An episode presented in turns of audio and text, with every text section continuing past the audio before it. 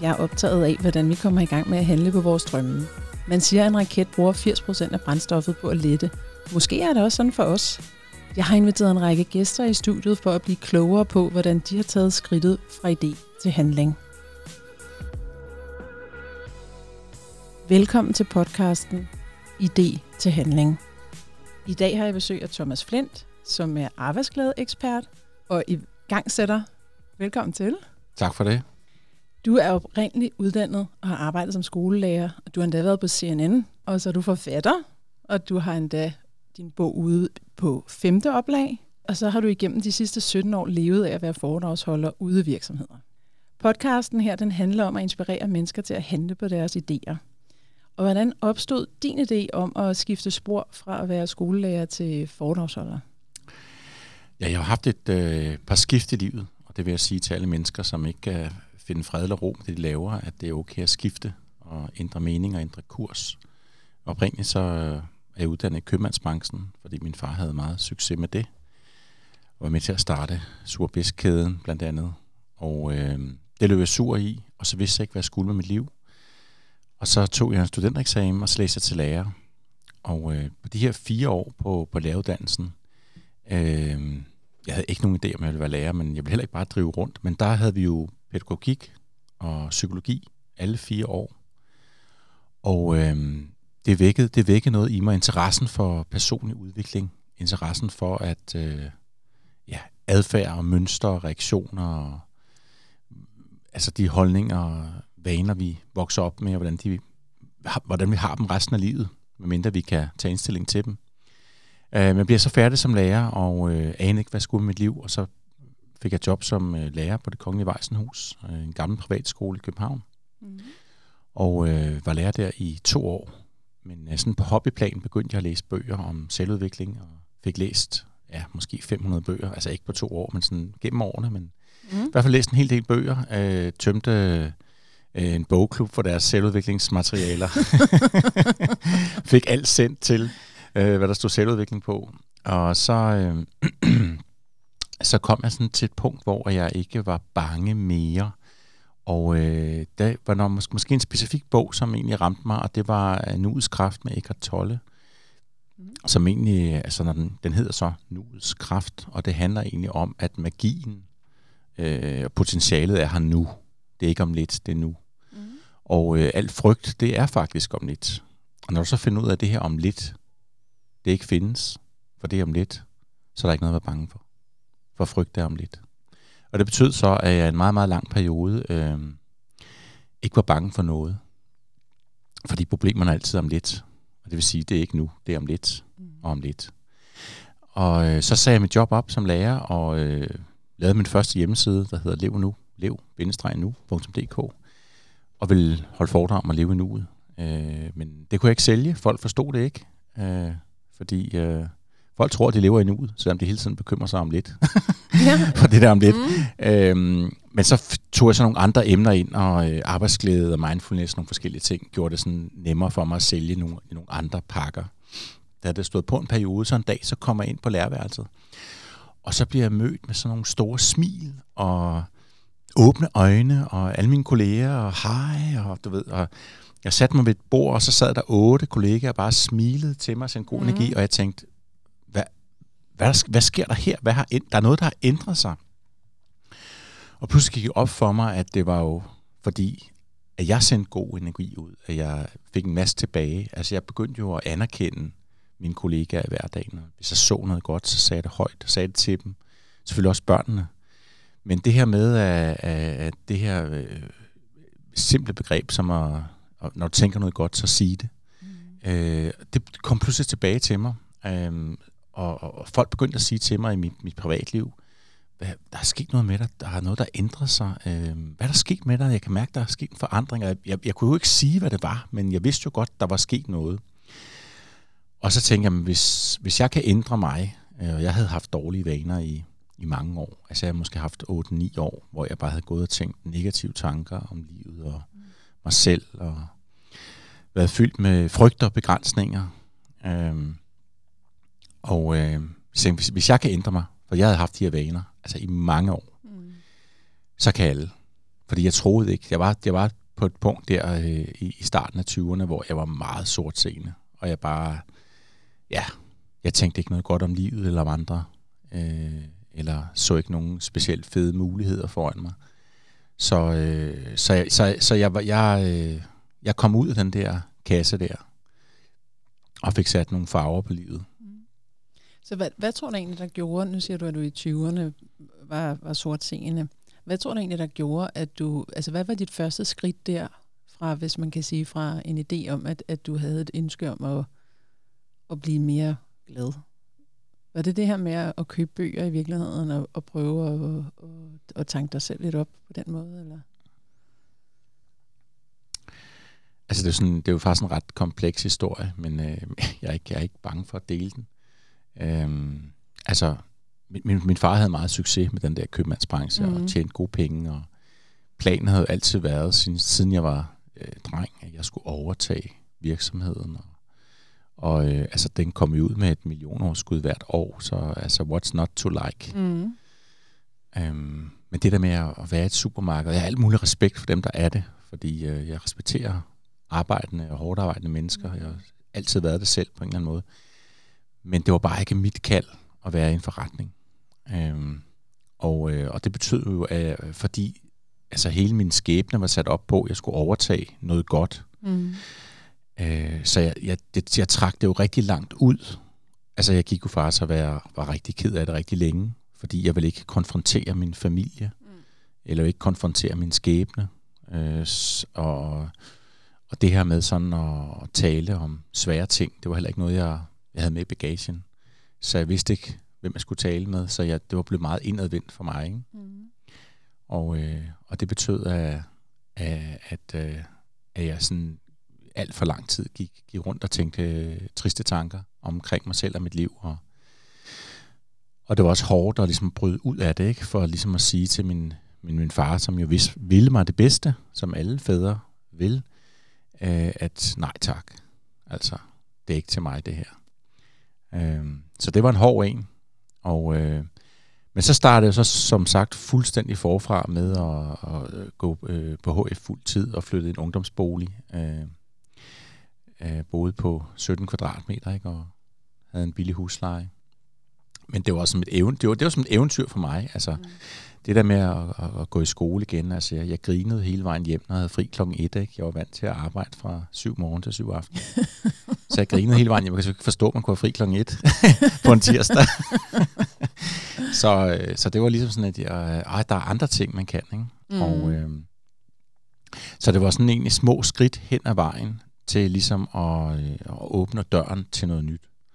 Og øh, jeg, jeg tog læreruddannelsen, som sådan, det var nærmest en skud i togen, øh, men, men det var der jo så alligevel ikke, fordi den her pædagogik og psykologi, der var på den gamle læreruddannelse alle fire år, den, øh, den skubbede jo til mig, og øh, fik sat i gang af de her bøger. Så, så øh, jeg vil sige, det jeg jo egentlig fik, jeg fik jo, altså jeg havde mistet tilliden til livet, og jeg fik tilliden tilbage, og, øh, og det vil jeg også sige til dem, som er være iværksættere, øh, have tillid til, at det er godt, øh, have tillid til sådan dit, dit, dit indre ja, have tillid til din egen idé, mm. øh, have tillid til, at du godt kan, øh, og, bare, og så start der, hvor du er. Altså, da jeg øh, lavede min første hjemmeside, jamen altså, jeg kan huske min ven Benjamin, han sagde til mig, øh, jamen så skal du så skal du opdatere den en gang imellem. Jeg var sådan, nej, det er perfekt. og jeg har ikke bestillet anden og laver opdateringer hele de sidste 17 år, men, øh, men, men, øh, men det her med, jeg var, jeg var tilfreds med lidt, og, og være tilfreds med der, hvor du er, og så, og så får man hele tiden øh, øh, bygget, bygget på. Øh, og som, som, som du selv siger, ikke, jamen, øh, nu har jeg lavet det i 17 år, og stået på rigtig mange virksomheder, og jeg bliver faktisk næsten overrasket hver gang, der ringer en stor virksomhed mm. og inviterer mig ud, fordi gud, er det virkelig mig? Er jeg her? Så, øh, så jeg har, øh, jeg, jeg har oparbejdet sådan en, en grundlæggende tillid til, at tingene er godt. Og jeg faldt over det her øh, Einstein, Einstein citat, øh, som lyder sådan her. Jeg kan lige tage den på engelsk, så skal jeg oversætte det bagefter. Øh, nej, jeg, jeg tager den bare på dansk. Mm. Du må tage en fundamental beslutning i dit liv.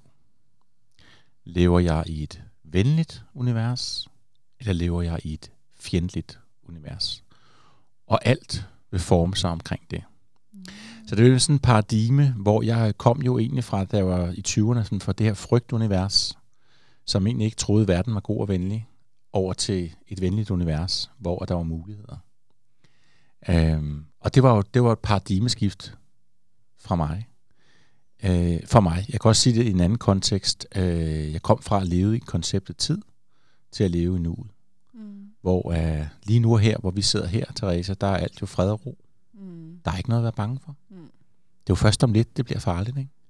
Så, så det her med sådan at lande i nuet, øh, det var også sådan, øh, det er sådan mit anker, ikke? og tillid til, at tingene er gode lige nu. Ikke? Hvordan gør du egentlig, når du så, for eksempel, da du, da, da du besluttede dig for at sige dit, dit lærerjob op, for eksempel, og du så sagde, nu, nu vil jeg starte en ny karriere. Havde du så sådan en, en meget langsigtet handlingsplan, og at det er sådan et, et endegyldigt mål, eller var det sådan, så du tog et skridt? Fordi nu når vi taler om citater, så er det mine yndlingscitater, det er nemlig det med Martin Luther King, hvor man siger, du behøver ikke at kunne se hele trappen, for at kunne tage det første trin. Øh, yes. og det er sådan, jeg, jeg personligt selv prøver at leve, når, når jeg har en idé, så prøver jeg bare at tage et skridt hen mod noget, som jeg tror er den retning, jeg er på vej hen på. Men gør du egentlig det samme, eller er du mere, sådan mere målrettet med, at du har en længere plan, eller hvordan, hvordan arbejder du, når, når du får en idé? Ja, og øh, jeg kan godt lide din, øh, din podcast-idé øh, med idé til handling, mm. øh, fordi det er jo... Øh, det er jo lige det her felt, som hvor mange de stopper. Øh, og øh, jeg har øh, jeg har jeg har måske 12 mandevenner, og øh, de fire af dem er selvstændige. Og så har jeg fire af dem, der arbejder helt normalt. Mm. Og så har jeg to, måske to-tre stykker, som har en drøm om at blive selvstændige, men som aldrig har fået taget handling. Mm. Og øh, den fordel, de har, det er, at de er lidt klogere end mig. Men det er en ulempe for dem. fordi de er nemlig for langt op på trappen. Ja. Fordi de er for kloge. Og det, det siger jeg sådan i... Både, det er både sjovt, ja. men det er egentlig også øh, komisk. Fordi øh, hvis jeg havde vidst, hvad der lå foran mig dengang, mm. hvis jeg havde siddet og analyseret og regnet igennem, så, så tror jeg ikke, jeg var kommet i gang. Nej. øh, fordi jeg, jeg var virkelig i stand til at leve fra dag til dag på det tidspunkt. Ja. Øhm, så, så folk, de kommer, de, de kommer med alle, de kommer alle mulige undskyldninger for at lade være, ikke? Altså, de siger, på det tidspunkt, jeg startede, der var jeg 33, ikke? Og, ja, det var nemt, for du har jo ikke nogen øh, kone eller børn, ikke? Mm. Nå, hvad med Lars Larsen? Han havde da en kone og to børn, han pansatte sit hus, ikke? Mm. Var det en undskyldning for ham? Mm. For ja. at blive iværksætter? Mm. Han havde en kone og to børn? Nej. Mm. Hvis du ved det, så ved du det. Jeg skal også sige, min egen far, som var købmand øh, og, og iværksætter, han øh, havde altså også min mor og mig og min bror, da han åbnede hans første butik.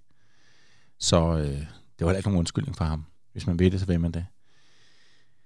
Så, øh, men, men behøver man at gå all in? Altså behøver ja. man at, at, ligesom Lars Larsen, at pansætte sit hus? Altså behøver man at gøre det for, for at gå i gang med en... Altså hvis, hvis nu vi, vi taler om dine venner, Mm. Øh, fordi det er en, en ting, jeg egentlig også er meget optaget af, det er det her med, at mange gange taler man om et dilemma, at der, der, der kan man enten blive sit job, eller man kan sige sit job op og blive selvstændig. Men mange gange er der jo faktisk en tredje mulighed, og det kunne være at blive ved med at være selvstændig, eller blive ved med at have et arbejde, og så bygge noget selvstændigt op ved siden af.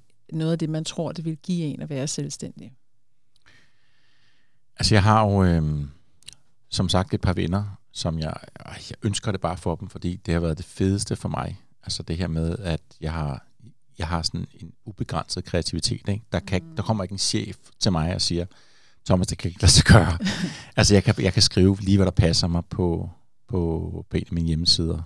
Nu har jeg et par stykker, fordi jeg har arbejdet med forskellige emner gennem årene. Mm. Uh, der kommer ikke nogen og siger til mig, uh, jeg sætter mig ned i en kasse, vel? Det, det, det, det, det er den bedste frihed at have.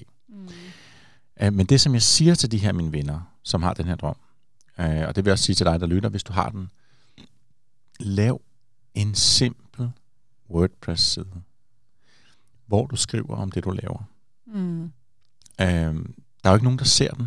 Du kan jo gå og fly, i faktisk i princippet i flere år og arbejde på den, uden nogen behøver at se den. Du behøver ikke at, at, at, at, at vise den til nogen. Mm. Men det her med at få skrevet nogle ting ned, øh, og der er faktisk noget meget stærkt ved internettet, det er jo, at det er jo det World Wide Web, ikke? Altså, det kan jo ses af hele verden. Mm. Så man siger jo faktisk til hele verden, her er jeg. Mm.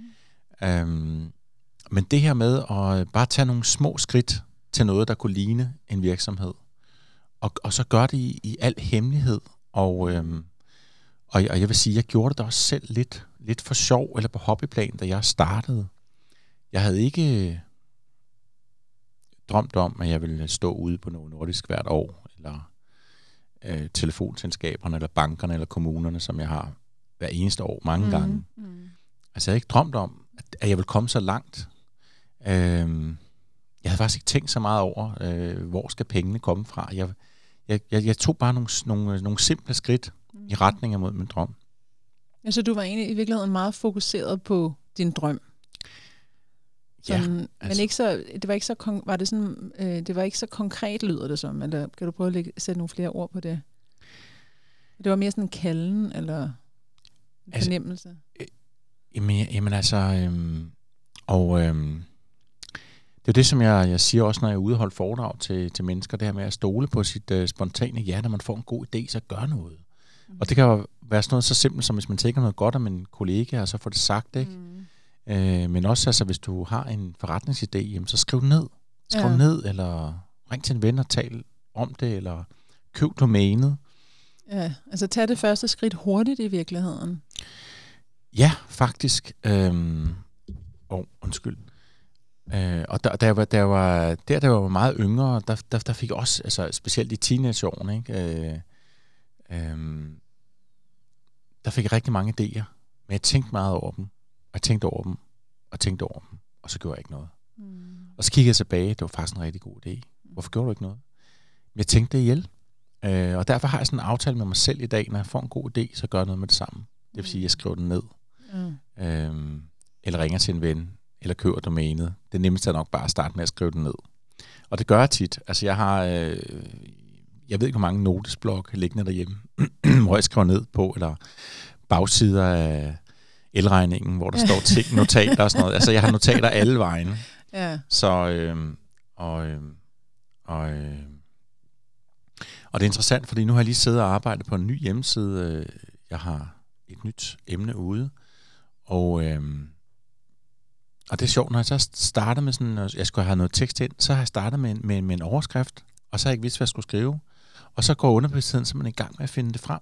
Mm. Og det vil så sige, at næste gang jeg kommer til hjemmesiden, så ved jeg præcis, hvad jeg skal skrive. Det var det samme, da jeg skrev min, øh, min, min første og min anden bog. Øh, det her med, at hvis man skriver en bog for øvrigt, så skri- lav nogle overskrifter, Mm. og så, øh, så, så, så kommer under, underbevidstheden og begynder at gå i gang med arbejdet for dig og, og henter det frem. Øh, så det er jo det her med, at øh, som du også sagde, man behøver kun at kunne se altså det første trin på trappen. Mm. Øh, der skal nok komme lys på det næste trin Mm. når du tager det første skridt. Ikke? Så, øh, så, så gør noget lige nu. Og hvis du sidder lige nu og lytter til det her, så skriv noget ned. Hvis du får en idé, skriv ned nu. Hvad med at vente øh, til i morgen, for så sker det nok ikke. Eller endnu bedre, tag det første skridt, som måske er at involvere en, eller Ja. hvad kunne man mere gøre? Som Nå, du siger, altså, så- købe et domæne. så- hvad, er der, hvad, er der, hvad er der sådan mere, man kan gøre Nå, altså, for hvis- at inspirere lytteren? Jamen altså, hvis du har, hvis du har en bedste ven, øhm, og nu kommer jeg tilbage til det her, jeg talte om tidligere med tillid, ikke?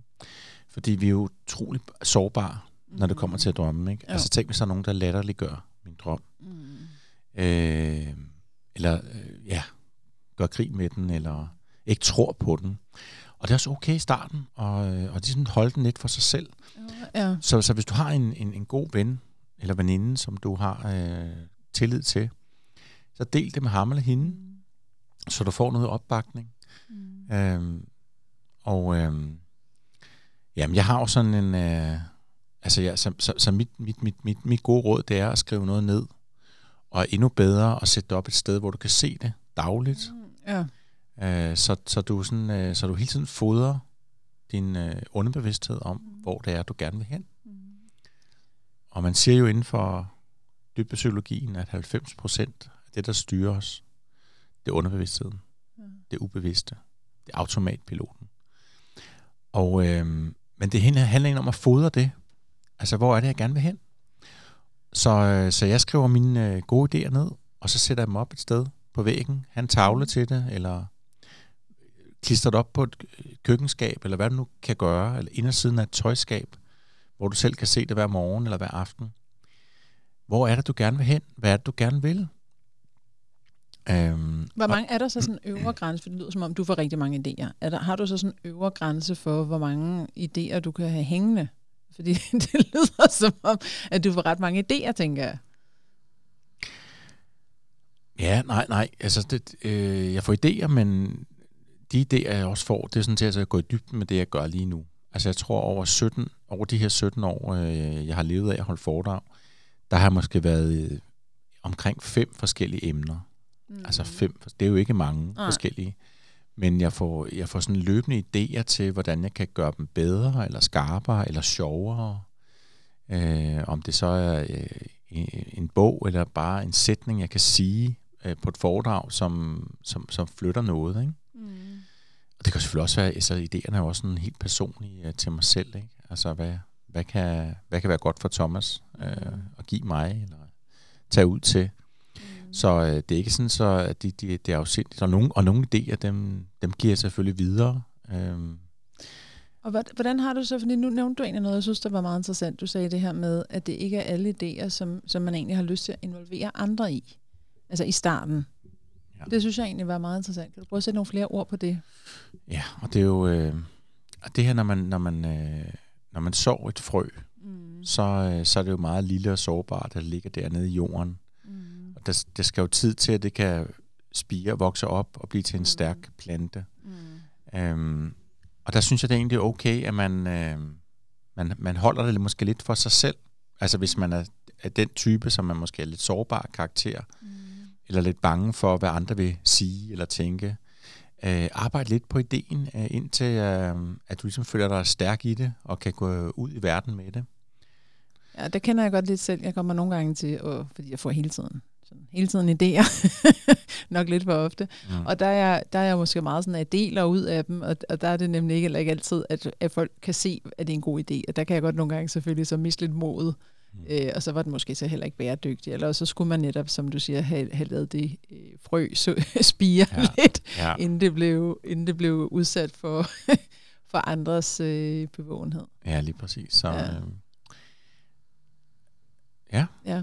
Så, men jeg tænker nemlig også på det her med, øh, i det hele taget, det her med, øh, at jeg bruger jo også andre mennesker til at få, altså de andre mennesker kan jo både være dem, der egentlig er vores katalysatorer, så det vil sige, de kan også være dem, der nogle gange inspirerer os og taler os op. Det synes jeg for eksempel, du har været rigtig god til over for mig, og tak for det. Mm. så, og, det og det kan selvfølgelig også være dem, der ikke rigtig forstår, hvad man har gang i. Ja. Så, så, så hvordan har du, hvornår bruger du så øh, omverdenen? Altså du, du starter med at spire selv, øh, typisk med en idé. Og hvordan bruger du så din omverden? Og bruger du, bruger du øh, folk forskelligt alt efter, hvad det er for en type projekt, du er i gang med? Ja, altså, øh, hvis jeg skal sådan sige det lidt, øh, lidt, lidt, lidt, lidt sort-hvidt, øh, så, er der, så er der ja-siger, og der er nej-siger mm. ud i verden. Ikke? Ja. der er dem, som, øh, og du kender dem fra din egen omgangskreds, ikke? Altså, der er dem, der vil sige, fedt, god idé, ikke? Mm. Og så dem, der vil sige, det kan ikke lade sig gøre. Det er ikke muligt. Hvordan skal det kunne lade sig gøre? Øh, og, øh, og man har bare ikke brug for, når man kommer med en ny idé, som er så ung og sårbar og lille og sød, mm. så har man ikke brug for, at der er nogen, der siger, at det dur ikke. Mm. Altså, der har man bare, man har brug for nogle ja-siger. Mm. Og så vil jeg sige, hvis du har brug for at involvere mennesker i din idé, mm så start med at invitere ja-sigerne ind. Øh, og det er, jo, det, er jo, det er jo rigtig sjovt, fordi øh, de her nej-siger, de skal nok komme med, men det er ofte først, når du har fået succes, så kan de, nå okay, nu kan jeg godt se, ja, ja, ja, det kan man selvfølgelig godt, nu kan jeg godt forstå det, ikke? Ja. Men de kan ikke se, når du ikke har solgt for en krone endnu, øh, og de ikke forstår helt, hvad der er det egentlig, du skal tale om Nej, der nej. som foredragsholder. Altså det, nej. Er det egentlig i virkeligheden lidt, nu, det lyder som om, at, at man kan dele folk lidt op i, hvem der er sådan er måske mere nytænkende og visionære, og dem, der måske er mere sådan fokuseret på plejer og på, på løsninger. Ja, altså, altså, altså i, min, i min verden, der har jeg bare sådan et, et, et meget stærkt billede af, hvem der ja siger, og hvem der nej siger. Okay, ja. Og, øhm, og dem af mine venner, jeg ikke har fået kommenteret til, jeg siger, det er nok dem alle sammen efterhånden. Men øh, i hvert fald i forhold til mit projekt, De bliver straffet, det hvis bliver de hårdt siger nej. straffet, ja. Så, øhm, så nej, og så, øh, så, så, er det jo, så er det jo ærligt og kærligt. Altså, øh, altså en, en, en, en, en, en god feedback, eller en dårlig feedback, kan også nogle gange være en god feedback, fordi nogle gange så har man også brug måske for et wake-up call. Men jeg, jeg, jeg tænker bare, øh, når folk lige kommer med en ny idé til dig, så må du gerne lige træde et skridt tilbage og lige se, jamen, øh, altså, inden man tager nej-hatten på, ikke? og lige se, Mm. mm. hvordan kan jeg hjælpe her? Ja. Hvordan kan jeg støtte dig her? Ikke? Og, Altså det er til nej-sigerne, vi lige har et godt råd her til lytteren. Ja. Til, kære lytter, hvis du har lidt tendens til at have nej-hatten på, så prøv som det første lige at tænke, er det egentlig muligt? Ja, træd skridt, træd skridt ja. tilbage, og så, så sige, øh, fortæl mig noget mere, jeg er nysgerrig. Jeg vil gerne forstå det, og øh, held og lykke med det. Ja. Øh, fordi vi behøver ikke at straffe, straffe andre med vores egne begrænsninger. Nej, det er rigtigt. Og ja. det, øh, det er sådan, det, det er sådan en, måske en nej-siger-tendens, ikke? Man straffer andre med ens egne begrænsninger. Jamen, det, det er meget god point. Ja. Jeg var til et erhvervsnetværk i går morges, der var der en, der nævnte ordet, eller begrebet, forundringsparat. Ja, Altså, at man skal prøve at møde op og være forundringsparat. Og det kunne jeg egentlig Ja. rigtig godt lide, Ja. fordi det er Ja. måske netop det der med, at vi skal være lidt, skal være klar til at være forundret, og, og så kan det være, at vi netop får rykket hvor, på, på nogle synspunkter, vi har. Nu skal vi til at runde af, ja. og nu, jeg synes egentlig, at du har kommet med det rigtig gode råd. Hvad er dit bedste råd til, hvordan man kommer fra idé til handling? Når du får en god idé, så stol på den. Altså, øh, gode idéer, de kommer til hjertet først, og så går de bagefter op i hjernen, og så begynder vi at tænke, og så kommer tvivlen. Det kommer først efter en 4-5 sekunder. Så det er det her, øh, det er det her øh, sekund, den gode idé kommer til dig. Det er det, du skal holde fast i. Når der kommer en god idé til dig, så hold fast i den. Skriv den ned. Husk, at det var en god idé. Du stole på den. Skriv det ned, og skriv til dig selv tre tiltag, tre øh, handlinger, du vil tage for at komme et skridt nærmere din idé. Og øh, det kan man jo gøre hver dag. Og det kan være helt fuldstændig små, simple handlinger. Altså det kan være at sidde og kigge på et domænenavn. Det kan være øh, at skrive noget tekst. Det kan være at søge noget tekst. Det kan være at søge et godt råd. Det kan være at læse om de gamle traditioner inden for det her håndværk. Det kan være at læse om de nye traditioner. Det kan være at finde en taler på YouTube, der ved noget om det. Det kan være, altså der er så mange, altså det, er- sådan nogle små action steps, som bringer dig tættere på dit mål. Jeg er vild med det. Det er og, dit.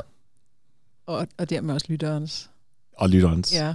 Gør det. Gør det, gør det, gør det, gør, Gør det. Du det vil ikke fortryde Nej. det. Er det, ikke, er det ikke det, man siger? Man vil Jo. mere fortryde alle Ja. de ting, man ikke har gjort, når man, når man bliver ældre, end Ja. de ting, man har gjort.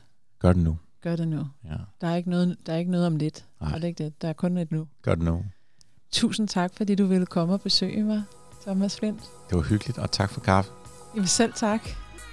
Skulle det være en anden gang. Hej. Hej.